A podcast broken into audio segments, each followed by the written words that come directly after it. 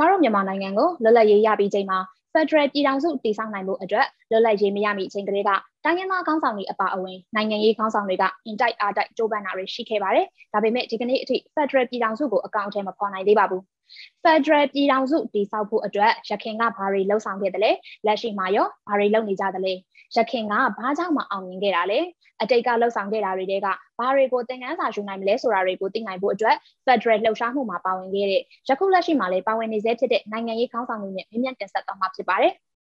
ဒီကနေ့ interview အစီအစဉ်အတွက်တော့မန်နေနေမွေးကိုကျွန်မဖိတ်ခေါ်ထားပါတယ်။မန်နေနေမွေးဟာလူပောင်သက် Democratic Party ရဲ့တွဲဖက်အထွေထွေအတွင်းရေးမှူးဖြစ်ပါတယ်။လူပောင်သက် Democratic Party ဟာ1988ခုနှစ်နောက်ပိုင်းမှာပေါ်ပေါက်လာတဲ့အကြောင်းသားနဲ့လူငယ်တွေဦးဆောင်တဲ့ပါတီတစ်ခုဖြစ်ပြီး1990ရွေးကောက်ပွဲပြီးနောက်ပိုင်းမှာတော့ပါတီကိုလွန်မြောက်နယ်မြေမှာတွားရောက်ဖွဲ့စည်းခဲ့ပြီးတချို့ကတော့တော်လန်ရေးကိုဆက်လက်လှုပ်ဆောင်ခဲ့ကြပါတယ်။ဦးသိန်းစိန်အစိုးရလက်ထက်မှာနိုင်ငံရေးပွင့်လင်းလာတဲ့အတွက် DPNS ကပြည်ရင်းနဲ့ပြန်လည်အခြေချခဲ့ပြီးရွေးကောက်ပွဲတွေမှာပါဝင်ရှင်ပြိုင်ခဲ့တာနောက်ဆုံးလုပ်ခဲ့တဲ့2020ရွေးကောက်ပွဲအထိဖြစ်ပါတယ်။ဒါအပြင် DPNS က Federal အရေးကိုစောစောစစ်စစ်လက်ခံခဲ့တဲ့ပါတီတွေကတစ်ခုဖြစ်ပါတယ်ရှင်။ဟုတ်ကဲ့မင်္ဂလာပါမနင်းနှင်းဖွင့်ရှင်။ဟုတ်ကဲ့မင်္ဂလာပါမင်္ဂလာပါလို့ပြောရမယ့်အခြေအနေမျိုးမဟုတ်ပေမဲ့လို့ဒါကတော့မြန်မာလူမျိုးတွေရဲ့ပြည်တန်နိုင်စကားအရမင်္ဂလာပါလို့ပဲနှုတ်ဆက်လိုက်ပါတယ်ရှင်။ဟုတ်ကဲ့ရှင်။ဆိုတော့ဒီနေ့မနေ့နေ့မွေးကိုကျွန်မကတော့ဒီလူပောင်တဲ့ Democratic Party ကလက်ခံထားတဲ့ Federal အပေါ် ထားတဲ့သဘောထားတွေနဲ့ပတ်သက်ပြီးတော့မေးမြန်းတော့မှာဖြစ်ပါတယ်ရှင်ဟုတ်ကဲ့ဆိုတော့မှပထမအဆုံးမေးခွန်းကိုကျွန်မစပြီးတော့မေးလိုက်တော့မယ်နော်အဲ့ဒါကကျွန်မမေးချင်တဲ့ပထမဆုံးမေးခွန်းကကြတော့ဒီ DBNS ရဲ့ပေါ့နိုင်ငံရေးလမ်းစဉ်နဲ့အဲ့ဒီနိုင်ငံရေးလမ်းစဉ်တွေမှာ Federal အရေးကဘယ်လိုအခန်းကဏ္ဍကနေပါဝင်လဲဆိုတာနဲ့ကျွန်မစမေးချင်ပါတယ်ရှင်ဟုတ်ကဲ့ပါဟုတ်ကဲ့ကျွန်မပထမဆုံးအနေနဲ့ပြောချင်တာကပေါ့နော်ကျွန်တော်နိုင်ငံလိုလူမျိုးပေါင်းစုံစုပေါင်းပြီးတော့နေထိုင်တဲ့နိုင်ငံတစ်ခုအနေနဲ့ပေါ့နိုင်ငံကိုဘယ်လိုတည်ထောင်မလဲဆိုလို့ရှိရင် Federal Democracy ပြည်ထောင်စုကအသင့်တော်ဆုံးလို့ကျမတို့နားလည်ထားပါတယ်အခုအချိန်မှာလည်းဒီ Federal Democracy ပြည်ထောင်စုကြီးတိဆောက်ကြမယ်ဆိုတာကတိုင်းရင်းသားလူမျိုးပေါင်းစုံရဲ့ရင်ထဲမှာမြန်မာပြည်သူလူထုအားလုံးရဲ့ရင်ထဲမှာကြာနေပြီဆိုတာကိုကျမတို့တွေ့နေရပါတယ်ဒါအမတန်ပဲဝမ်းသာစရာကောင်းတဲ့ကိစ္စဖြစ်ပါတယ်ဒီအတိုင်းလည်းလုပ်ကြရမှာဖြစ်ပါတယ်စစ်အာဏာရှင်ကဖြစ်စေ တပါတီအာဏာရှင်ကဖြစ်စီလူမျိုးတစ်မျိုးတည်းကဖြစ်စီလဝကြီးအုပ်နှောင်းမိုးထားမယ်ဆိုလို့ရှိရင်ဒါတွေကိုကျမတို့ခွင့်ပြုနိုင်မှာမဟုတ်ဘူးအဲ့ဒါကြောင့်မလို့မဟာဝါဒမဟာလူမျိုးကြီးဝါဒကိုတည်တည်ချာချာဆန့်ကျင်ကြရမှာဖြစ်ပါတယ်ဒါဟာကျမတို့ရင်ထဲမှာရှိတဲ့အခြေခံစိတ်ဓာတ်အခြေခံစိတ်ထားဖြစ်ပါတယ် ဟုတ်ကဲ့ရှင်ဆိုတော့ဒီလူပောင်တဲ့ Democratic Party အနေနဲ့ပေါ့နော်ရွေးကောက်ပွဲမဲဆွယ်စည်းရုံးရေးတွေမှာဒီ Federal နဲ့ပတ်သက်ပြီးတော့အလိုချပြပြီးတော့စည်းရုံးခဲ့တာမျိုးတွေရောရှိခဲ့ဘူးလားမဟုတ်ကဲ့ရှိခဲ့ဘူးလေဆိုလို့ရှင်အဲ့ဒါလေးတွေသိချင်ပါတယ်ရှင်ဟုတ်ဟုတ်ကဲ့ကျမတို့ပါတီရဲ့ရွေးကောက်ပွဲကြီးညာစာတမ်းမှာလည်းဒီ Federal နဲ့ပတ်သက်ပြီးတော့ကျမတို့ဒီဒီချက်ချာပေါ့နော်ဒီထက်သွင်းပြီးတော့ဖော်ပြထားတာတွေရှိပါတယ်ဒီအကြောင်းတွေကိုပြောမယ်ဆိုလို့ရှိရင်တော့ကျမတို့ကတမိုင်းနဲ့ချီပြီးပြောဖို့တော့လိုပါတယ်ကျမတို့နိုင်ငံကလွတ်လပ်ရေးအတွက်စူးစမ်းတဲ့အခါမှာ ပင်လုံညီလာခံကိုကျင်းပခဲ့ပါတယ်ကျင်းပခဲ့တဲ့အခါမှာပင်လုံကတိကွတ်တွေအများကြီးရခဲ့တယ်သဘောတူညီချက်တွေရခဲ့ကြတယ်ဒါပေမဲ့လို့ဘိုးကျော်အောင်ဆန်းနဲ့အာဇာနည်ခေါင်းဆောင်ကြီးကြာဆုံးသွားပြီးတဲ့နောက်ပိုင်းမှာအဲ့ဒါတွေကိုပုံဖော်ဖို့အတွက်အနာရပါတီဆက်ဆက်ကမကြိုးစားခဲ့ကြဘူးပြက်ကွက်ခဲ့တယ်အဲ့ဒီလိုပြက်ကွက်ခဲ့တဲ့ကြောင့်လို့ပြည်တွင်းစစ်ဖြစ်ခဲ့ရပြီးတော့ပြည်တွင်းစစ်မီဟာဂဏိတိုင်ရှေ့ကြနေတာကိုကျွန်တော်တို့တွေ့မြင်နေရပါတယ် ဒါဆိုလို့ရှိရင်ကျမတို့ကဘာကိုပြန်ပြီးတော့ကောက်ကန်ရမလဲဆိုလို့ရှိရင်ကျမတို့ရဲ့ပင်လုံဂတိကွတ်တွေကိုပြန်ပြီးတော့ကောက်ကန်ကြဖို့လိုပါတယ် အဲ့ဒီပင်လုံဂတိကုတ်တွေထဲမှာကျင်းသေးတာကတော့တိုင်းသားတွေအားလုံးဟာအပြန်အလှန်တန်းတူခွင့်ရေးရှိတယ်အတူတူလွတ်လပ်စွာပေါင်းဖက်ပြီးတော့ဆောင်ရွက်ကြမယ်ဆိုတဲ့အချက်ဟာကိစ္စဟာအဓိကအခြေခံပဲလို့ယူဆကျမတို့ယူဆပါတယ်အဲ့တော့ကျမတို့ကဒီအခြေခံချက်ပေါ်မှာမူတည်ပြီးတော့ကျမတို့ပါတီရဲ့မူဝါဒမှာပေါ့နောက်အထူးသဘောထားမှာပေါ့နောက်တစ်ခါကျတော့ကျမတို့ရဲ့ဒီရွေးကောက်ပွဲကြီးညာစာတမ်းမှာပေါ့ဒါကျမတို့ကဒီ Federal ကိစ္စကိုအလေးထားပြီးကျမတို့အမြဲတမ်းဖော်ပြပါတယ်ရှင် ဟုတ်ကဲ့ပါအမအဲ့လိုဆိုတော့ဒီလူပောင်တဲ့ Democratic Party ကလက်ခံယုံကြည်ထားတဲ့ Federal မူရဲ့အနှစ်ချုပ်ကရောဘာတွေဖြစ်မလဲရှင်ကျွန်တော်တို့တိုင်းပြည်မှာရှိတဲ့တိုင်းသားပြည်သူလူထုလူမျိုးပေါင်းစုံပြည်သူလူထုဟာဆိုလို့ရှိရင်လွတ်လပ်စွာပေါင်းဖက်ပြီးတော့အတူတကွဆောင်ရွက်ကြမယ် အပြန်လည်ဓာတ်နုခွင့်ရေးတွေရှိကြတယ်အဲ့ဒီပေါ်မှာကျမတို့ Federal Democracy ပြည်ထောင်စုကိုတည်ဆောက်ကြမယ်ဆိုတဲ့အခြေခံပေါ်မှာကျမတို့ကနေပြီးတော့ဒီ Federal မူဝါဒတွေကိုချမှတ်ထားတာရှိပါတယ်အခုပြောချင်တာကတော့ဒီကျမတို့ Federal ပြည်ထောင်စုကိုထူထောင်မယ်ဆိုတဲ့နေရာမှာပေါ့နော်အခုပြောနေကြတဲ့ရှစ်ပြည်နယ်လားကိုပြည်နယ်လားခုနှစ်တိုင်းခုနှစ်ပြည်နယ်လားဆိုတဲ့နေရာမှာတော့အခြေခံကပြောမယ်ဆိုလို့ရှိရင်တော့သမိုင်းအရာရှစ်ပြည်နယ်ဆိုပြီးတော့အဲဆွက်ကင်ထားတဲ့တိုင်းသားလူမျိုးတွေလည်းရှိတယ်အခုအချိန်ဒီမှာတော့ ပပြည်နယ်လိုချင်တဲ့တခြားတိုင်းရင်းသားလူမျိုးစုတွေလည်းရှိလာတာကိုတွေ့ရပါတယ်အဲ့ဒီတော့ဒီကိစ္စကအခြေခံအဖြစ်ပြောမယ်ဆိုလို့ရှိရင်တော့ရှစ်ပြည်နယ်လို့ပြောနေကြပေမဲ့လို့တိုင်းပြည်မှာကျမတို့ရေရှည်မှာပေါ့နော်ကျမတို့ရဲ့တိုင်းပြည်ကိုဘလို့တိဆောက်မလဲနောက်ထပ်ပြည်နယ်ဘယ်နှခုတိုးချက်မယ်မတိုးချက်ဘူးစတဲ့ကိစ္စတွေကတော့အားလုံးဝိုင်းပြီးတော့ကျမတို့ညှိနှိုင်းကြမှာဖြစ်ပါတယ်ပြည်နယ်တစ်ခုရဲ့အဝန်းဝိုင်းဟာဘယ်လောက်ရှိရမယ်နောက်တစ်ခါ area ဘယ်လောက်ရှိရမယ်လူကြီးဘယ်လောက်ရှိရမယ်ဘာသာစကားဘယ်လိုရှိရမယ်တမိုင်းအရာနိုင်ငံရေးအရာဘယ်လောက်ရှိရမယ်ဆိုတဲ့သူ့ရဲ့အခြေခံတွေတည်တည်ချာချာပြည့်စုံသွားပြီဆိုလို့ရှိရင်ပြည်နယ်အသစ်တွေလည်းထပ်ပြီးတော့တိုးနိုင်ပါတယ်အဓိကကကျွန်တော်တို့ခိုင်ထားတာကတော့ဘာလဲဆိုလို့ရှိရင်ဗမာကလူမျိုးကြီးမလို့ခုနှစ်ပြည်နယ်ယူလို့မရပါဘူးဗမာကဗမာပြည်နယ်တစ်ခုပဲယူရမယ်ဆိုတဲ့ကိစ္စကိုဗမာလူမျိုးတယောက်အနေနဲ့ကျွန်မကတည်တည်ချာချာသဘောတူတယ်လုံးဝဒီတိုင်းပဲဖြစ်ကိုဖြစ်ရမှာဖြစ်ပါတယ် ဗမာကလည်းတိုင်းသားတွေတဲကတမျိုးဖြစ်တဲ့ကြောင့်မလို့အားလုံးနဲ့ဒန်းတူပြည်နယ်တစ်ခုပဲယူတဲ့နဲ့ဗမာသူများတွေတက်ပို့ပြီးတော့ပြည်နယ်တွေအများကြီးယူလို့မဖြစ်ဘူးဆိုတာကဒါကျမတို့ရဲ့ခံယူချက်မှာပေါ့နော်အရေးကြီးတဲ့ကိစ္စတစ်ခုဖြစ်ပါတယ်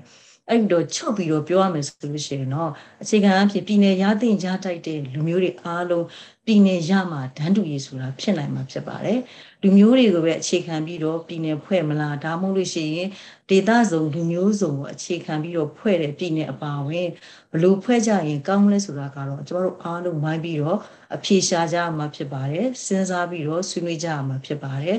တမိုင်းရလက်တွေ့အရာပေါ့နော်လူမျိုးစုံလူမျိုးတွေ စုပေါင်းပြီးတော့ဖွဲ့တဲ့ပြည်နယ်လည်းဖြစ်နိုင်ပါတယ်လူမျိုးကိုဒိုဒီမဟုတ်ဒေတာကိုအခြေခံပြီးတော့ဖွဲ့တာဖြစ်နိုင်တယ်လို့ပဲတပြိုင်တည်းမှာလည်းလူမျိုးစုံနေထိုင်တဲ့ဒေတာတွေအတွက်ဥမာအဖြစ်အရာတိုင်းစသဖြင့်ပေါ့နော်အဲ့လိုမျိုးအခြေခံပြီးတော့ဖွဲ့တာတွေလည်းရှိနိုင်ပါတယ်ကျွန်တော်တို့တိုင်းပြည်ရဲ့အခြေအနေရဆိုလို့ရှိရင်တမျိုးတစားနဲ့သတ်မှတ်ပြီးတော့တောက်ဖွဲ့လိုက်လို့ရှိရင်လက်ရှိအခြေအနေလက်ရှိအနေအထားတွေမှာပြဿနာတွေပို့ပြီးတော့ရှုပ်ထွေးသွားနိုင်စရာရှိပါတယ်အဲ့တော့ကျမတို့က ဒီကျမတို့နိုင်ငံကိုဘယ်လိုထူထောင်မလဲဖက်ဒရယ်ကိုဘယ်လိုစုကြမလဲဆိုတဲ့ကိစ္စမှာအားလုံးဝိုင်းဝန်းဆွေးနွေးပြီးတော့အဖြေရှာကြရမှာဖြစ်ပါတယ်ချစ်ပြည်နယ်ကိုအခြေခံပြီးတဲ့အခါကျတော့တိုးချဲ့တင်တာတွေကိုဆက်ပြီးတော့တိုးချဲ့ဖို့လိုပါတယ်တိုးချဲ့ကြရမှာဖြစ်ပါတယ်လူမျိုးကိုအခြေခံမဲ့လူမျိုးစုံဒေသကိုအခြေခံမဲ့စတဲ့ကိစ္စတွေကကျွန်တော်တို့အားလုံးဝိုင်းဝန်းပြီးတော့ဆွေးနွေးအဖြေရှာကြရမှာဖြစ်ပါတယ်နောက်ထပ်တစ်ခုပြောချင်တာကဘာလဲဆိုလို့ရှိရင်တော့ Federal ရဲ့အခြေခံကဘာလဲဆိုလို့ရှိရင်အဓိကက အာဏာခွဲဝေပါပဲကျမတို့ကအာဏာကိုဘလောက်ပေးမယ်ဘလို့ခွဲမယ်ဘဟုမှာအာဏာဘလောက်ထားမယ်ပြည်နယ်တွေမှာဘလို့ထားမယ်စသဖြင့်အဲ့ဒီအချက်နှစ်ခုကိုအားလုံးကျင့်တဲ့အခြေခံမှာရှိဖို့တော့အရေးကြီးတယ်လို့ကျွန်မကပြောချင်တယ်အဲ့လိုမှမဟုတ်လို့ရှိရင်တော့ကျမတို့တိုင်းပြည်ရဲ့ပြဿနာကအဲလွယ်နဲ့ဖြေရှင်းလို့ရမှာမဟုတ်ဘူးเนาะအားလုံးသဘောတူညီတဲ့အခြေခံအချက်တွေရမှာကျမတို့ကဒီပြဿနာတွေကိုဖြေရှင်းနိုင်မှာဖက်ဒရယ်ပြည်ထောင်စုကိုထူထောင်နိုင်မှာလို့တော့ကျမကပြောချင်ပါတယ်ရှင် ဟုတ်ကဲ့ဟုတ်ကဲ့ဒါကတော့လူပေါင်းတဲ့ Democratic Party ကလက်ခံယုံကြည်ထားတဲ့ဒီ Federal မူရဲ့အနှစ်ချုပ်ပေါ့နော်ဟုတ်ကဲ့ဆိုတော့အမအခုပြောခဲ့တဲ့ထဲမှာပေါ့ဒီတချို့တွေကိုဆိုလို့ရှိရင်တချို့တိုင်းရင်းသားတွေကိုဆိုလို့ရှိရင်ပြည်နယ်ပေါ့ပြည်နယ်ဖွဲ့ပေးတဲ့နေဆိုတဲ့ဟာမျိုးပေါ့နော်ဆိုတော့ဘယ်လိုလက္ခဏာအင်္ဂါရက်တွေနဲ့ပြည့်စုံတဲ့တိုင်းရင်းသားတွေဆိုလို့ရှိရင်ကိုပိုင်ပြည်နယ်တစ်ခုပေါ့ပြည်နယ်ဆိုတာထက်ဒီဒီကျမတို့ဒီဒေါအောင်ဆန်းစုကြည်ပြောခဲ့တဲ့စကားအရာပေါ့ Federal Unit ပေါ့ဆိုတော့ဘယ်လိုဟိုကြံအင်လက္ခဏာတွေဘယ်လိုအရေးချင်းတွေနဲ့ပြည့်တဲ့ တိုင်းရင်းသားတွေဆိုလို့ရှိရင် Federal Unit တစ်ခုရတဲ့တယ်လို့မနှင်းနှင်းမွေးအနေနဲ့ပေါ့နော်ထင်မြင်ယူဆပါလို့ရှင်အဲ့ဒါကျမရဲ့ထင်မြင်ယူဆချက်ဆိုတာထက်ကိုအားလုံးကဝိုင်းဝန်းစဉ်းစားပြီးတော့ဆွေးနွေးပြီးအဖြေရှာကြရမှာဖြစ်ပါတယ်ကျမကသွားပြီးတော့ကျမတို့ပါတီကသွားပြီးတော့သတ်မှတ်ပေးလို့မရပါဘူးအားလုံးကဝိုင်းပြီးတဲ့ခါကျတော့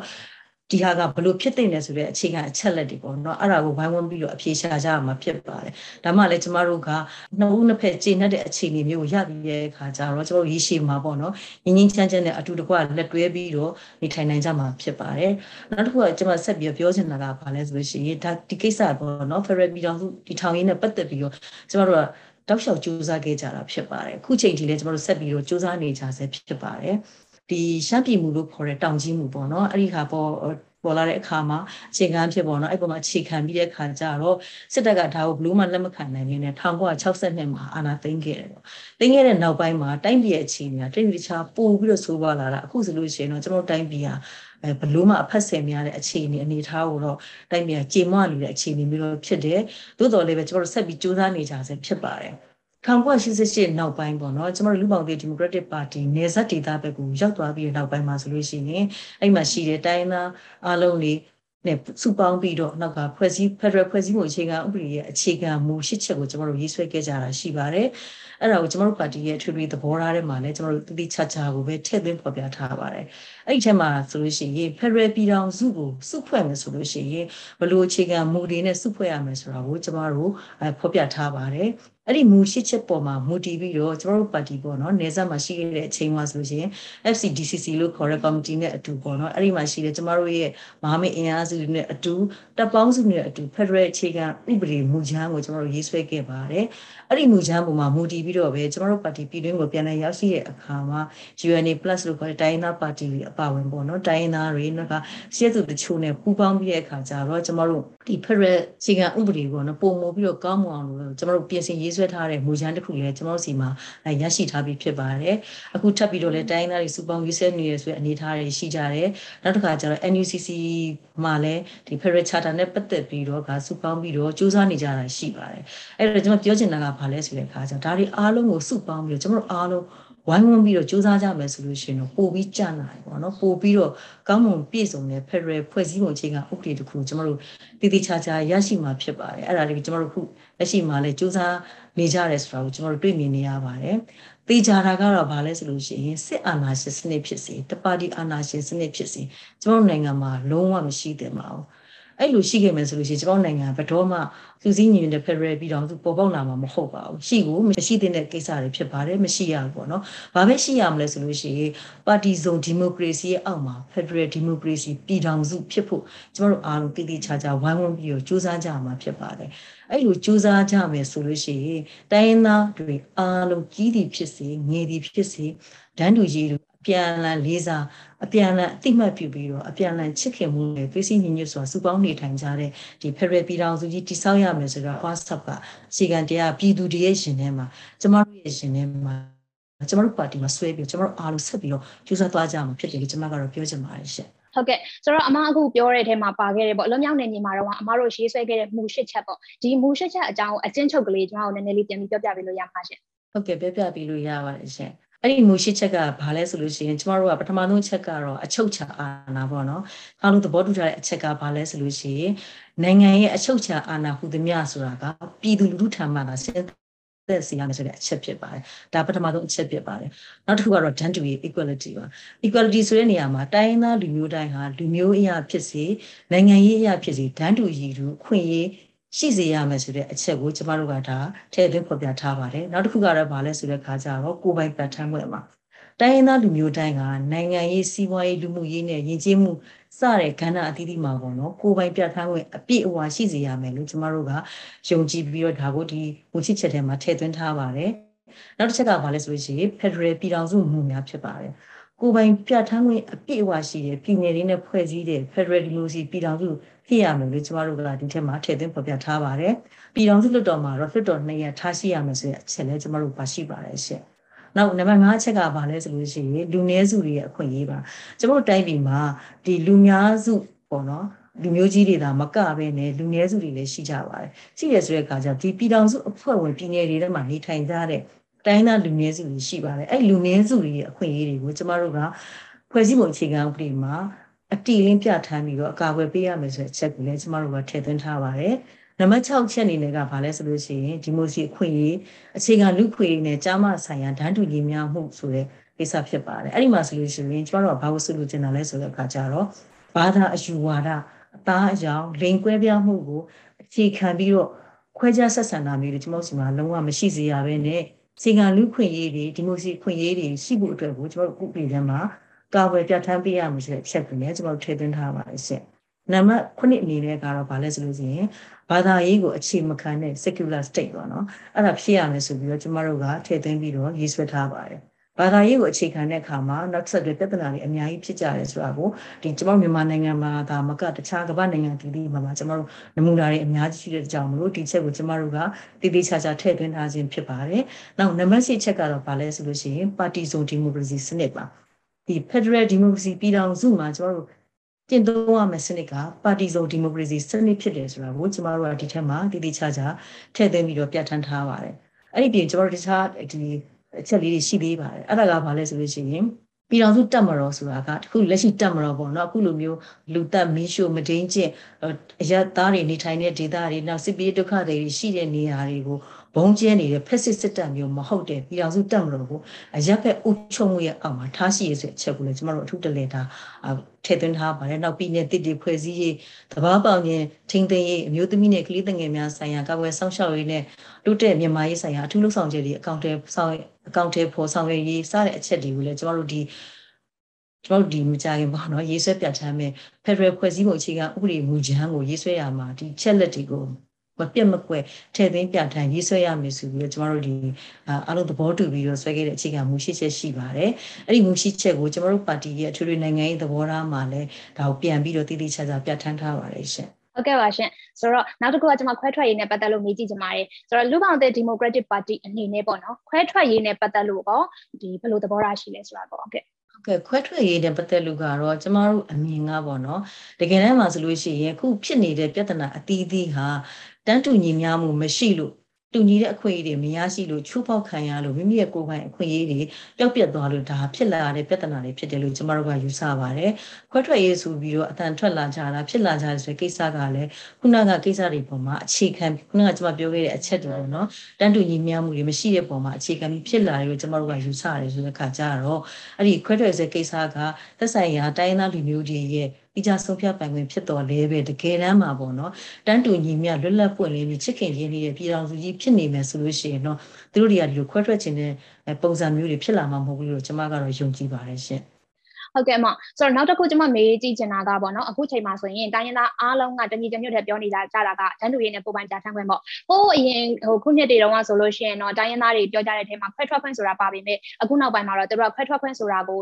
နည်းနည်း မပြောတော့ဘဲနဲ့ပေါ့ဒန်းတူရင်းနဲ့ကိုပိုင်ကြာထမ်းခွင့်ဆိုတဲ့ဟာကိုပြောတယ်တကယ်ကိုဒန်းတူရင်းနဲ့ကိုပိုင်ကြာထမ်းခွင့်သာရမယ်ဆိုလို့ရှိရင်ခွဲထွက်ခွင့်ရမလိုပါဘူးခွဲထွက်ပါလို့ပြောရင်တော့ခွဲထွက်မှာမဟုတ်ဘူးဆိုတဲ့စကားကိုတွင်တွင်ကြည်ကြည်ပြောလာကြတယ်ပေါ့နော်ဆိုတော့မြန်မာပြည်အတွက် Federal မူမှာဒန်းတူရေးနဲ့ကိုပိုင်ပြဋ္ဌာန်းခွင့်ကဘာကြောင့်အရေးပါတယ်လဲဘလောက်အထိအရေးကြီးတယ်လို့ရောမန်နေနေမှွေအနေနဲ့ရောဒီလူပောင်တဲ့ Democratic Party အနေနဲ့ကောလက်ခံယုံကြည်ထားပါတယ်လေရှင်ဟုတ်ကဲ့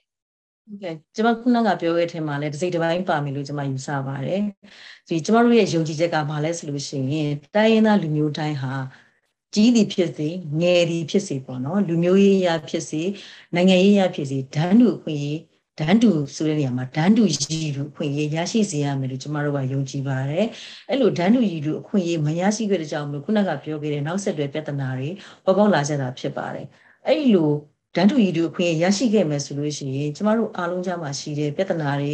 ခုနကပြောခဲ့တဲ့မကြေလည်မှုတွေပဋိပက္ခတွေအဲ့ဒါတွေကျမတို့အားလုံးကအေးကြေလဲလဲဝိုင်းဝန်းပြီးတော့ဆွေးနွေးအဖြေရှာနိုင်ကြမှာဖြစ်ကြတယ်။ဒါကိုကျမတို့ကဘာမှသွားပြီးတော့တွေ့နိုင်တယ်လဲဆိုလို့ရှိရင်ပြီးခဲ့တဲ့ကျမတို့ဆောင်ရွက်အဲပြီးခဲ့တဲ့အစိုးရတတန်အဆက်ဆက်မှာပေါ့နော်ဆောင်ရွက်ခဲ့တဲ့ဆိုတဲ့အဲပင်လုံမီလာကကိုကြည့်လိုက်လို့ရှင်တွေ့နိုင်ပါတယ်အဲ့ဒီမှာကျမတို့ကဒန်းတူအခွင့်အရေးဒန်းတူရည်တူအခွင့်အရေး ပစုံတရားရှိတယ်လို့ပြောနိုင်တဲ့အခြေအနေခင်းကျင်းမျိုးရှိခဲ့သလားဆိုတာကလည်းဟာကျမတို့တော်တော်များများသိကြပြီးဖြစ်ပါတယ်ဒီစစ်တပ်ကနေပြီးတော့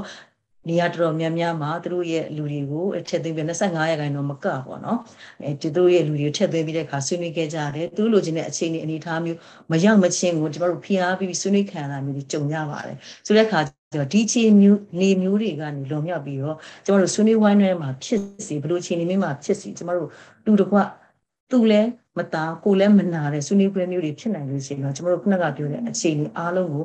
ကြော်လွန်ပြီးတော့ကျမတို့ဖယ်ရယ်ဗီဒီယိုပြည်တော်စုကြီးကိုအတူတကွထူထောင်နိုင်ကြမယ်ဆိုတဲ့ယုံကြည်ချက်ကျမတို့မှာရှိပါတယ်ရှင် ဟုတ်ကဲ့ဆိုတော့စစောင်းကတော့ပေါ့နော်ဒီလူပောင်တဲ့ Democratic Party ကလက်ခံထားတဲ့ဒီ Federal ရဲ့အနှစ်ချုပ်ဆိုတဲ့နေရာမှာကျွန်မမေးလိုက်တဲ့ထဲမှာတော့အမထည့်ပြီးတော့ပြောခဲ့တာတော့ရှိတယ်ဒါပေမဲ့ဒါနဲ့ပတ်သက်ပြီးတော့ကျွန်မအခုချိန်မှာ party အနေနဲ့မဟုတ်ဘဲနဲ့မန်နေနေမွေးရဲ့ကိုပိုင်ထင်မြင်ယူဆချက်နဲ့ပတ်သက်ပြီးကျွန်မထပ်ပြီးတော့မေးကြည့်ချင်တယ်ပေါ့အဲ့ဒါကဒီပြည်နယ်ဖွဲ့စည်းရေးနဲ့ပတ်သက်လို့ပါပြည်နယ်ဖွဲ့စည်းရေးနဲ့ပတ်သက်လို့တချို့ကတော့လူမျိုးကိုအခြေခံပြီးဖွဲ့တဲ့နယ်လို့ပြောကြတယ်လို့တချို့ကလည်းပထဝီအနေထားကိုအခြေခံပြီးတော့ဖွဲ့တဲ့နယ်လို့လည်းပြောကြတာရှိတယ်တချို့ကျတော့လည်းဒီနေရာမှာပထဝီအနေထားကိုရော ဟိုဒီလူမျိုးကိုရောပေါ့နှစ်ခုစလုံးကိုဟိုအခြေခံပြီးတော့ဖွဲ့တင်တယ်လို့လည်းပြောကြတာရှိပါတယ်ဆိုတော့ဒီဟာနဲ့ပတ်သက်လို့ရောမန်နေနေမွေးရဲ့ကိုပိုင်ထင်မြင်ယူဆချက်ကိုကျွန်မသိချင်ပါတယ်ရှင်ဟုတ်ဟုတ်ကဲ့ကျမရဲ့အမြင်ကိုပြောရမယ်ဆိုလို့ရှိရင်တော့ကျမတို့တိုင်းပြည်က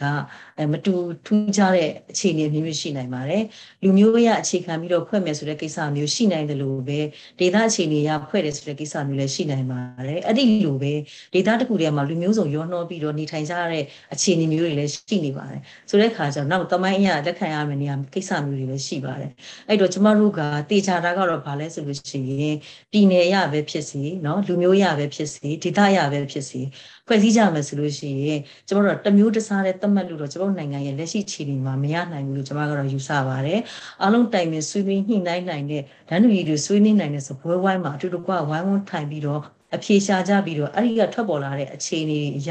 အားလုံးရဲ့ညှိနှိုင်းသဘောတူညီချက်အရဒါလေကျမတို့ရဲ့ခုနကပြောတဲ့ပြည်နယ်တွေပြည်တော်စုတွေကိုပြည်တော်စုကိုကျမတို့ဖွဲ့စည်းနိုင်မှာဖြစ်တယ်လို့ကျမရဲ့ယုံကြည်ကတော့အဲ့လိုရှိပါတယ်ရှင် ဟုတ်ကဲ့ဆိုတော့အခုထပ်မေးမှာကြတော့ဒီဗမာပြည်အတွက်ရှစ်ပြည်နယ်မူဆိုတဲ့ဟာပေါ့နော်ကျွန်မအဲ့ဒီဟာကိုမေးချင်တယ်အဲ့ဒါစောစောကပြောသလိုပဲအမအရှိမပြောခဲ့တဲ့အထဲမှာလေဒီဟာနဲ့ပတ်သက်ပြီးတော့နည်းနည်းတော့ဒီဇိုင်းတစ်ပိုင်းတော့ဖြေခဲ့တယ်ပေါ့ဒါပေမဲ့ကျွန်မဒါကိုအတိအကျထပ်ပြီးတော့မေးကြည့်ရမယ်ဆိုရင်အခုချိန်မှာဆိုရင်ဗမာအခုချိန်မှာမဟုတ်ပါဘူးဟိုအရင်ကတည်းကပေါ့နော်ဗမာမဟုတ်တဲ့တိုင်းရင်းသားတွေပြောကြတာကဗမာပြည်အတွက်ရှစ်ပြည်နယ်မူဖြစ်တဲ့နယ်လောက်ရမယ်လို့ပြောကြတယ်ရှစ်ပြည်နယ်ဆိုရင်ဗမာပြည်အတွက်ကပြည်နယ်တစ်ခုနဲ့လက်ရှိတိုင်းရင်းသားပြည်နယ်ခုနှစ်ပြည်နယ်ပေါ့ဆိုတော့တစ်ဖက်ကနေပြန်ပြီးတော့ပြောရင်ကြတော့လေတချို့တိုင်းရင်းသားတွေရော ဗမာအများစုတော့ပြောကြတာကဗမာပြည်အတွက်ပြည်နယ်တစ်ခုတည်းရှိရမယ်ဆိုလို့ရှိရင်ပေါ့ဟိုနည်းနည်းလက်မခံနိုင်စရာပေါ့နော်ဗမာကလူဦးရေများတဲ့အတွက်ပြည်နယ်တစ်ခုတည်းဆိုလို့ရှိရင်ဒါကလက်ခံနိုင်စရာမဟုတ်ဘူးမဖြစ်နိုင်ဘူးလို့လည်းပြောကြတာရှိပါတယ်ဆိုတော့ဗမာပြည်အတွက်ပြည်နယ်တစ်ခုတည်းရှိရမယ်ဆိုတာကဖြစ်တဲ့နယ်ထင်ပါသလားဒါကိုအမလက်ခံပါသလားရှင်ဟုတ်ကဲ့ ဟုတ်ကဲ့ကျမအနေနဲ့ကတော့လက်မခံနိုင်စရာအကြောင်းမရှိပါဘူး။ဘာကြောင့်လဲဆိုတဲ့အခါကျတော့ဗမာဆိုတာကကျမတို့မြန်မာဒီလက်ရှိပေါ့နော်ပြည်ထောင်စုကြီးထဲမှာမိတင်းနေထိုင်ခဲ့ကြမိတင်းနေထိုင်ခဲ့ကြတယ်မိတင်းနေထိုင်ကြဆဲဖြစ်တဲ့တိုင်းသားလူမျိုးပေါင်းစုံကြားတဲ့က တိုင်းရင်းသားတစ်မျိုးပဲဖြစ်ပါတယ်အဲ့ဒါကိုဗမာကနေပြီးတော့လူကြီးပုံများလို့ပြည်နယ်တွေ၄၅6ခုယူမယ်အခုလက်ရှိအခြေအနေရဆိုရင်9ခုလောက်ရှိတယ်ပေါ့နော်တိုင်းဒေသကြီး9ခုရှိတဲ့ကကြတော့အဲ့ဒီလိုယူမယ်ဆိုလို့ရှိရင်ကျမတို့အချုပ်ချာအာဏာခွဲဝေတဲ့နေရာမှာတခြားကိစ္စတွေမှာတော့ကျမတို့အများကြီးပြဿနာတွေတက်လာနိုင်ကြရှိပါတယ်နောက်ကျမတို့ကဒီလိုမျိုးဆက်ပြီးတော့ဒီကျမတို့ရဲ့မဟာလူမျိုးကြီးဝါဒပေါ့နော်မဟာဝါဒကိုဆက်ပြီးတော့ဆွဲကင်ထားမယ်ဆိုလို့ရှိရင်ဖက်ဒရယ်ပြည်ထောင်စုကဘယ်တော့မှဖြစ်လာနိုင်မှာမဟုတ်ပါဘူး အင်အားကြီးလို့အနိုင်ကြစဒန်းတာဆိုလို့ရှိရင်ကျမတို့လိုချင်တဲ့ပြည်ထောင်စုကြီးဘယ်တော့မှပေါ်ပေါက်လာမှာမဟုတ်ပါဘူးဒါကြောင့်မလို့ကျမတို့ကျမတို့ကျမကရောကျမတို့ပါတီကရောယုံကြည်ထားတာကတော့ဗမာဟာတိုင်းရင်းသားတွေကတိုင်းရင်းသားတစ်မျိုးဖြစ်တဲ့ကြောင့်မလို့ဗမာပြည်နယ်ကတခုပဲရှိတယ်လို့ကျမတို့ကတော့ယူဆပါတယ်ရှင်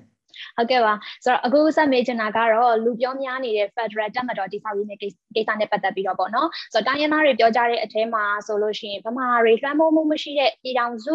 တက်မတော်လိုအပ်တယ်ဆိုတာပါဝင်တာကိုကျွန်မကြားဘူးတယ်အမလည်းရှိရှိအရှိတုံးကဖြေခဲ့တယ်ဒီအရက်ဘတ်အုပ်ချုပ်မှုအောက်မှာရှိတဲ့တက်တက်တက်ဆိုတဲ့ဟာပေါ့ပြောခဲ့တယ်ပေါ့နော်နောက်အခုဆိုလို့ရှိရင်ကဗမာတက်မတော်ပေါ့ဗမာစစ်တပ်ပေါ့ဗမာစစ်တပ်ကတောင်းကျမ်းသူအစင်တီရောက်နေပြီဖြစ်တဲ့အတွက်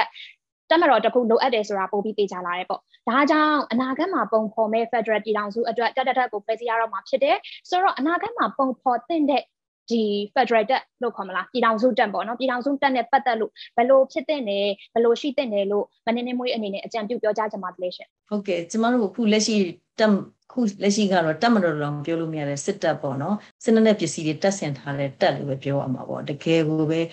ရက်စက်ရုပ်မာတဲ့ကြမ်းတမ်းတဲ့လူမဆန်တဲ့ကိစ္စတွေကျူးလွန်နေတဲ့တက်ပေါ့နော် ဆိုတဲ့ခါကျတော့ဒီစစ်တပ်ကနေပြီးတော့အစင်အဆက်မှာပေါ့ကျွန်တော်တို့တိုင်းပြည်မှာဆိုလို့ရှိရင်နှစ်ပေါင်း10နဲ့ချီပြီးတော့ရာစုနှစ်တစ်ခုနီးပါပေါ့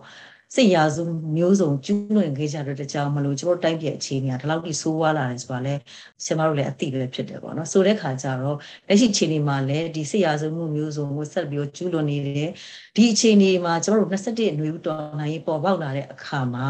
ကျမတို့လိုချင်တဲ့တက်ကဒီလိုတက်မျိုးမဟုတ်ဘူးတကယ်တမ်းဆိုလို့ရှိရင် ဗမာတွေကနေပြီးတော့ဗမာတွေဆိုတဲ့နေရာမှာလည်းကျမထင်ပါတယ်ထိပ်ပိုင်းခေါင်းဆောင်တော်တော်များများလောက်ကတော့ဗမာတွေဖြစ်မယ်ထင်တယ်ဆိုတော့အောက်ခြေမှာတော့တိုင်းသားလူမျိုးပေါင်းစုရှိကောင်းရှိနိုင်ပါတယ်ဒါပေမဲ့လို့ကျွန်တော်တို့မြင်တွေ့နေရတာကဒါကတော့ထိပ်ပိုင်းမှာဆိုလို့ရှိရင်ဗမာတွေပဲတော်တော်များများရှိနေတယ်လို့ထင်ပါတယ်ဆိုတဲ့ခါကျတော့ကျွန်တော်လူချင်းတဲ့တက်ကဒီလိုတက်မျိုးမဟုတ်ဘူးအားလုံးကနေပြီးတော့ဒီပြည်သူလူထုကိုတကယ်တမ်း ဒီကာကွယ်ပေးတဲ့တပ်မျိုးဖြစ်ရမယ်ဆိုတာကတေချာသွားပြီကျွန်တော်လူချင်းတဲ့တပ်က Federal တပ်ဖြစ်ရမယ်ဆိုတာကတေချာသွားပြီအဲ့ဒီ Federal တပ်မတော်ကိုဘယ်လိုပုံစံနဲ့ဖွဲ့စည်းမလဲဆိုတာကလည်းကျွန်မကတော့စီရေးကျွမ်းကျင်သူမဟုတ်ဘူးသို့တော်လည်းပဲကျွန်မရဲ့ယူဆချက်အရာဆိုလို့ရှင်တော့ဗာလဲဆိုတဲ့အခါကျတော့ဒီကျွမ်းကျင်သူတွေရောအပါဝင်ပေါ့နော်နောက်တစ်ခါကျတော့သက်ဆိုင်ရာနေပယ်တီးတီးကသူတွေအပါဝင်အလုံးကဝိုင်းဝန်းပြီးတော့ဆွေးနွေးပြီးတဲ့အခါကျမှဒီ Federal တပ်မတော်ကိုပြည်ထောင်စုတပ်မတော်ကြီးကိုဘယ်လိုဖွဲ့စည်းကြမယ်ဆိုတဲ့ဟာကိုဝိုင်းဝန်းဆွေးနွေးအဖြေရှာကြပြီးတဲ့အခါမှာရက်ဖက်လက်အောက်မှာထားနိုင်တဲ့ပြည်ထောင်စုတပ်မတော်ကိုတည်တည်ချာချာဖွဲ့စည်းနိုင်မှုနောက်တစ်ချိန်မှာထပ်ပြီးတော့ဒီလိုမျိုး စစ်အာဏာသိမ်းတဲ့ကိစ္စမျိုးတွေပေါ်ပေါက်မလာနိုင်အောင်တားဆီးနိုင်မဲ့အခြေအနေမျိုးတွေပါကျွန်တော်တို့ဥပဒေတွေမှာထည့်သွင်းရေးဆွဲထားကြဖို့လိုအပ်ပါတယ်အဲ့လိုမှမဟုတ်လို့ရှိရင်တော့ကျွန်တော်တို့တိုင်းပြည်ဟာအစဉ်အမြဲပဲဒီလိုမျိုးစစ်အာဏာရှင်စနစ်ရဲ့လက်အောက်မှာကျွန်တော်တို့တွေကဒုက္ခဒုက္ခတွေနဲ့တိုက်ပြီးပြက်လူခမန်းခုလည်းပြက်တလောက်တော့ဖြစ်နေပါတယ်အဲ့လိုအခြေအနေမျိုးတွေဆက်ပြီးတော့ကြုံတွေ့နေရမှာလို့ပြောချင်ပါတယ်အဓိကကဘာလဲဆိုလို့ရှိရင် Federal တပ်မတော်ကိုပဲဖွဲ့ဖွဲ့ Federal ပြည်ထောင်စုကိုပဲဖွဲ့ဖွဲ့ပညာရှင်တွေနောက်တစ်ခါသက်ဆိုင်ရာနယ်ပယ်အသီးသီးကအရေးပါတဲ့လူတွေတကယ်ခေါင်းဆောင်တွေ ဝိုင်းဝန်းပြီးတော့ဆွေးနွေးအဖြေရှာကြပြီးတော့မှရရှိလာတဲ့အခြေအနေတွေညှိနှိုင်းချက်တွေကဖွဲ့စည်းလုပ်ကင်ဆောင်ရွက်ကြဖို့လိုပါတယ်။တူတယောက်တစုတစ်ဖွဲ့ရဲ့အကြံဉာဏ်နဲ့တော့တော့လုပ်လို့မရဘူးဆိုတာကိုကျွန်မအခြေခံချက်အပြင်ပြောချင်ပါတယ်ရှင်။ ဟုတ်ကဲ့ပါရှင်ဆိုတော့အမားတို့ရဲ့ဒီလူပောင်တဲ့ Democratic Party ကပေါ့နော် FCDCC နဲ့အတူတူလည်းပူးပေါင်းလှုပ်ဆောင်ခဲ့တာတွေရှိတယ်ဆိုတော့ကျွန်မဒီမိကွန်းတစ်ခုကိုမေးချင်ပါတယ်အဲ့ဒါကဒီ NUG NUCC အနေနဲ့ပေါ့နောက်ပိုင်းကာလတွေမှာအခြေခံဥပဒေတရက်ရေးဆွဲသွားဖို့ရှိတယ်လို့ပြောမှုတယ်ဒီအခြေခံဥပဒေကိုဗိုလ်ချုပ်အောင်ဆန်းနဲ့တိုင်းရင်းသားခေါင်းဆောင်ကြီးတွေသဘောတူထားတဲ့ပင်လုံစာချုပ်အပြင် FCDCC တို့ဘူအောင်ကျော်လန်းကြေညာချက်မာနယ်ဘလော့ network ထား liza စတဲ့သဘောတူစာချုပ်တွေကိုအခြေခံကြောရိုးယူပြီးတော့ရေးဆွဲမှာဖြစ်တဲ့အကြောင်းပေါ့ Federal ပြည်ထောင်စုရေးရာဝန်ကြီးဒေါက်တာလျက်မုံစကောင်းကကျွန်မရဲ့ဒီ Federal Interview အစီအစဉ်မှာဖြေထားမှုတာရှိတယ်။အဲဒီလိုပဲဒီ Interview အစီအစဉ်တွေမှာဖြေဆိုခဲ့တဲ့နိုင်ငံရေးခေါင်းဆောင်အများစုကဗာပြောလဲဆိုတော့သူတို့ရဲ့သဘောထားကတော့တိုင်းရင်းသားခေါင်းဆောင်တွေအပါအဝင်နိုင်ငံရေးခေါင်းဆောင်တွေ အချိန်ကုန်ခံငွေကုန်ခံပြီးရေးဆွဲထားတဲ့ဒီ FCDCC က constitution ကရှိနေပြီးသားဖြစ်တဲ့အတွက်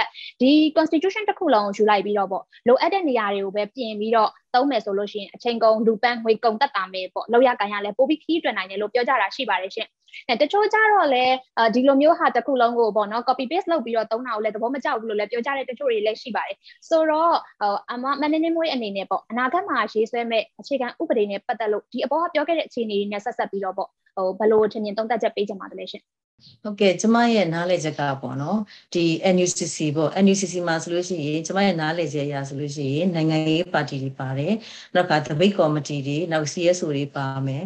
တကယ်နိုင်ငံနိုင်ငံရေးအင်အားစုတွေပါမယ်ပေါ့နော်ဒီလိုအင်အားစုတွေကနေပြီးတော့စုဖွဲ့ပြီးတော့အချိန်အများကြီးကြာတယ်ပေါ့နော်6လ9လ10လလောက်ကြာအောင်ရေးဆွဲထားတဲ့ဒီ Federal Charter ဆိုတာကတော့ပြည်ငင်ကကျွန်တော်တို့ခုရေးဆွဲပြီးသွားတဲ့ခါကျတော့တိတ်မကြသေးခင်အချိန်တုန်းက သူဒင်းစာရှင်းလင်းပွဲလည်းပြုလုပ်ခဲ့တာကိုတွေ့ရမှာပါအဲကျွန်တော်တို့ပါတီကလည်း GSC ထွေထွေတပိတ်ကော်မတီမှာပါဝင်တဲ့ကြောင့်မလို့ဒီတပိတ်ကော်မတီရဲ့ကိုယ်စားလှယ်ဖြစ်နေဒီ NUCC မှာကိုယ်စားလှယ်ပေးပြီးတော့ဒီ charter ကိုဝင်ပြီးတော့ဆွဲထားတာဖြစ်တဲ့ကြောင့်မို့ကျမတို့ရဲ့ဒါကိုစားပြုတွေတစုံတရာကိုစားပြုတွေလို့လည်းပြောလို့ရပါတယ်ဆိုတဲ့အခါကျတော့ဥပဒေတွေရဲ့သဘောတဘာဝကတော့ကျမနားလည်တာကတော့လေအမေရိကန်ပြည်ထောင်စုလိုမျိုးနိုင်ငံမျိုးမှာတော့မှာပဲဒါလိုအပ်လို့ရှိရင်ပြုပြင်ရပြင်ဆင်ရများဒါမျိုးတွေရှိနိုင်ပါတယ်ခုနကပြောတဲ့နေဆက်မှာရေးဆွဲခဲ့တဲ့ FCDCC ကနေပြီးတော့ဆွဲခဲ့တဲ့ Federal အခြေခံဥပဒေဆိုတာလည်းမူချမ်းပဲဖြစ်ပါတယ် မူချမ်းကိုမှကျွန်တော်တို့ထပ်ပြီးတော့ပြည်တွင်းမှာပြုပြင်တဲ့ခါမှာပုံမပြီးတော့အဲကြနာတဲ့ပုံမကောင်းမွန်တယ်လို့ယူဆရတယ်ပေါ့နော်မူချမ်းတစ်ခုကျွန်တော်တို့ရရှိထားတာရှိတယ်ထိုနည်းတူစွာပဲ NUCC မှာလည်းထိုနည်း၎င်းရရှိထားတာရှိတယ်တိုင်းသားတွေမှာလည်းထိုနည်း၎င်းပဲရရှိထားတဲ့အခြေခံမူတွေရှိနိုင်ပါသေးတယ်ဆိုလိုချင်တာကဘာလဲဆိုတဲ့အခါကျတော့ငါမူကမှအကောင်းဆုံးဆိုတဲ့ဟာမျိုးမဟုတ်ဘဲနဲ့အားလုံးဝိုင်းဝန်းပြီးတော့စုပေါင်းပြီးတော့ဒီအခြေခံဥပဒေတွေမှာပါဝင်တဲ့အချက်လက်တွေကဒါကတော့ဖြစ်တဲ့နဲ့ဒါကတော့မဖြစ်သင့်ဘူးဒါလေးကတော့ထပ်ဖြစ်တဲ့နဲ့ဒါလေးကတော့ပိုနေတယ်ဒါလေးကတော့လိုနေတယ်စသဖြင့်အဲ့အချက်လက်တွေကိုဝိုင်းဝန်းဆွေးနွေးအဖြေရှာကြပြီးညှိနှိုင်းလိုက်လို့ရှိရင်တော့ဒါပုံမပြီးတော့ပြည်စုံကောင်းမွန်တည်ကြတယ်ပေါ့နော်ဖက်ဒရယ်အခြေခံဥပဒေကိုရရှိလာမယ်လို့ကျွန်မကတော့ယူဆပါတယ်ဟိုတလောလုံးကကျွန်မကဒီပညာရေးဥပဒေနဲ့ပတ်သက်ပြီးတော့ပေါ့နော်ဆွေးနွေးပွဲတစ်ခုတက်ဖြစ်တယ်တက်ဖြစ်တဲ့အခါကျတော့အဲ့ဒီမှာဘာသွားတွေ့ရလဲဆိုတဲ့အခါကျတော့ဒီအိန္ဒိယရဲ့ပညာရေးမူပေါ့နော်အဲ့မူမှာဆိုလို့ရှိရင်ကျွန်မမှတ်မိတာ မှားကျင်တော့မှားလိမ့်မယ်အချိန်ပေါင်း60လောက်ထင်တယ်ရှင့်အဲ့လိုမျိုးပြင်ဆင်ခဲ့ရတယ်ဆိုတော့တွေ့ရတယ်ဘာကြောင့်လဲဆိုတဲ့အခါကျတော့ဒီခါလေးကြားလို့ရှိရင်ချိန်ကဥပဒေမှာကျမတို့ကတော့အကောင်းဆုံးတွေဖြစ်မယ်လို့ယူဆပြီးတော့ပေါ့နော်ဘယ်ကိစ္စမှမဆိုပါအကောင်းဆုံးတွေဖြစ်မယ်လို့ယူဆပြီးတော့ထည့်သွင်းပြီးတော့ပေါ်ပြတာမျိုးတွေရှိနိုင်မှာဒါပေမဲ့တကယ်လက်တွေ့ကို လှုပ်ဆောင်တဲ့နေရာမှာတော့လိုအပ်ချက်တွေလွဲချော်တာတွေတိုးတိမှုပေါ့နော်မပြည့်စုံသေးတာတွေကျမတို့ရှိကောင်းရှိနိုင်ပါတယ်အဲ့လိုခါမျိုးမှာတော့ကျမတို့ကဘာလဲဆိုတော့တကယ်လက်တွေ့နဲ့ပေါ့နော်ခုနကရေးဆွဲခဲ့တဲ့အဲမူတွေနဲ့ပေါက်ဆက်ပြီးတဲ့အခါကျတော့အကောင်းဆုံးကိုဘယ်လိုဖြစ်အောင်လုပ်ဆောင်ကြမလဲဆိုတဲ့ပုံမှာအခြေခံပြီးစဉ်းစားမယ်လှုပ်ဆောင်ကြမယ်ဆိုလို့ရှိရင်တော့ဒါကပြည့်ပြည့်စုံတဲ့အခြေအနေတစ်ခုကိုတော့တဖြည်းဖြည်းနဲ့ရောက်ရှိလာလိမ့်မယ်လို့ကျွန်မကယူဆပါတယ်။ဘာကြောင့်လဲဆိုတော့အမေရိကန်တို့နောက်တစ်ခါအိန္ဒိယတို့ဆိုတာကတကယ်ဒီမိုစီဘိုးအေကြီးတွေပဲလေ။ ဆိုတဲ့ခါကျသူတို့ရဲ့မူတွေမှာတော့ဒီလိုမျိုးရှိခဲ့တယ်ဆိုတဲ့ခါကျမတို့ရဲ့အခုမှ မြေစံခရမ်းပြရမယ်ဖက်ဒရယ်ဒီမိုကရေစီအခြေခံဥပဒေမှာတော့လိုအပ်ချက်တွေစုံတရာရှိနိုင်ပါတယ်အဲ့တော့ကျမတို့ကနေပြီးတော့ဒါကိုတည်တည်ချာချာဆွေးနွေးတိုင်ပင်ကြဖို့လိုတယ်ဒီမူသားလေးအမှန်ဆုံးဖြစ်တယ်ဆိုတော့အဲကန်ဒီကမ္မပေါ့နော်စုပ်ကင်ထားမှုကတော့ကျမတို့နည်းနည်းတော့ရှော့ကြရမယ်ထင်တယ်အဲ့ပေါ်မှာဘိုင်းဝဆွေးနွေးအပြေရှာကြပြီးတော့လူတို့ကိုရှော့တွေတော့လုပ်ကြရမယ်လိမ့်မယ်လို့ကျမကတော့ယူဆပါတယ်ရှင်ဟုတ်ကဲ့ရှင်ဆိုတော့ဒီနေ့ဆွေးနွေးခဲ့တဲ့အကြောင်းအရာတွေနဲ့ပတ်သက်လို့ပေါ့မနေ့နေ့မွေးအနေနဲ့ဖြည့်ဆွတ်ပြောချင်တာရှင်ပြောပြစီချင်ပါတယ်ရှင်ဟုတ်ကဲ့ ဟုတ်ကဲ့ကျမကဖြည့်ဆွက်ပြောချင်တာဆိုခြင်းပါလဲဆိုတော့ကျမတို့ဒီမြန်မာနိုင်ငံမှာပေါ့နော်မြန်မာလူဖွဲ့စည်းရဲ့ပြဿနာတွေပြည်လဲစေပြီးတော့စစ်မှန်တဲ့ငြိမ်းချမ်းရေးရရှိဖို့အတွက်ဆိုလို့ရှိရင်တော့တိုင်းရင်းသားလူမျိုးတွေရဲ့ဓာတ်တူရေးနဲ့ကိုယ်ပိုင်ပြဋ္ဌာန်းခွင့်ကိုအာမခံတဲ့ Federal Democracy ပြည်ထောင်စုကိုကျမတို့မလွဲမသွေတိစောက်ကြမှာဖြစ်တယ်အစိုးရဒီဟာဆိုလို့ရှိရင် Federal Democracy ပြည်ထောင်စုစနစ်ကိုကာကွယ်ထိန်းသိမ်းရမယ့်ပြင်ကိုဖွဲ့စည်းပုံအခြေခံဥပဒေနဲ့အညီပေါ့နော်ပြည်내အစိုးရတွေပြည်ထောင်စုအစိုးရကိုယ်ပိုင်ဥပဒေခွင့်ရဒေသတွေဒေသဆိုင်ရာ အုပ်ချုပ်ရေးအဆောက်အအုံကြောင့်အာဏာခွဲမှုထိန်းသိမ်းမှုတွေထားရှိရတဲ့အခြေအနေမျိုးတွေကိုပေါ်ဆောင်နိုင်တဲ့ Federal Democracy နိုင်ငံတော်ကြီးကိုမကြခင်မှာကျွန်တော်တို့ထူထောင်နိုင်မဲ့အခြေအနေမျိုးကိုအတူတကွလက်တွဲပြီးလှုပ်ဆောင်ကြဖို့လိုတယ်လို့ကျွန်တော်တို့ကတည်တည်ချာချာလေးယုံကြည်ထားတယ်ဆက်ပြီးတော့လည်းလှုပ်ဆောင်နေစေဖြစ်တယ်ပေါ့နော်အဲ့တော့ကျွန်တော်တို့ဒီလက်ရှိလှုပ်ဆောင်နေတဲ့အခြေအနေတွေမှာပေါ့နော်ဒီပြည်သူတွေကြားထဲမှာကျမတို့ဒီမှာလည်းဖြစ်နိုင်မှာလည်းဖြစ်တတ်ပါတယ်။ဘာလဲဆိုတဲ့အခါကျတော့အားမလို့အားမရမှုတွေ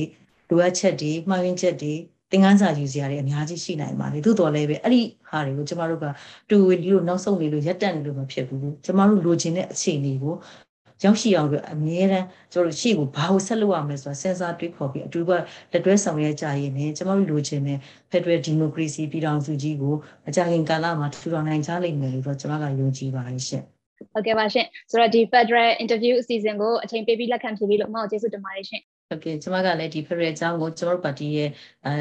ရက်တီကျဲရသဘောထားရရောနောက်တစ်ခါကျတော့ကျမရဲ့အယူဆတွေကပြောခွင့်ရတဲ့ကြောင့်မို့ကျမကအများကြီးကျေးဇူးတင်ပါတယ်ရှင်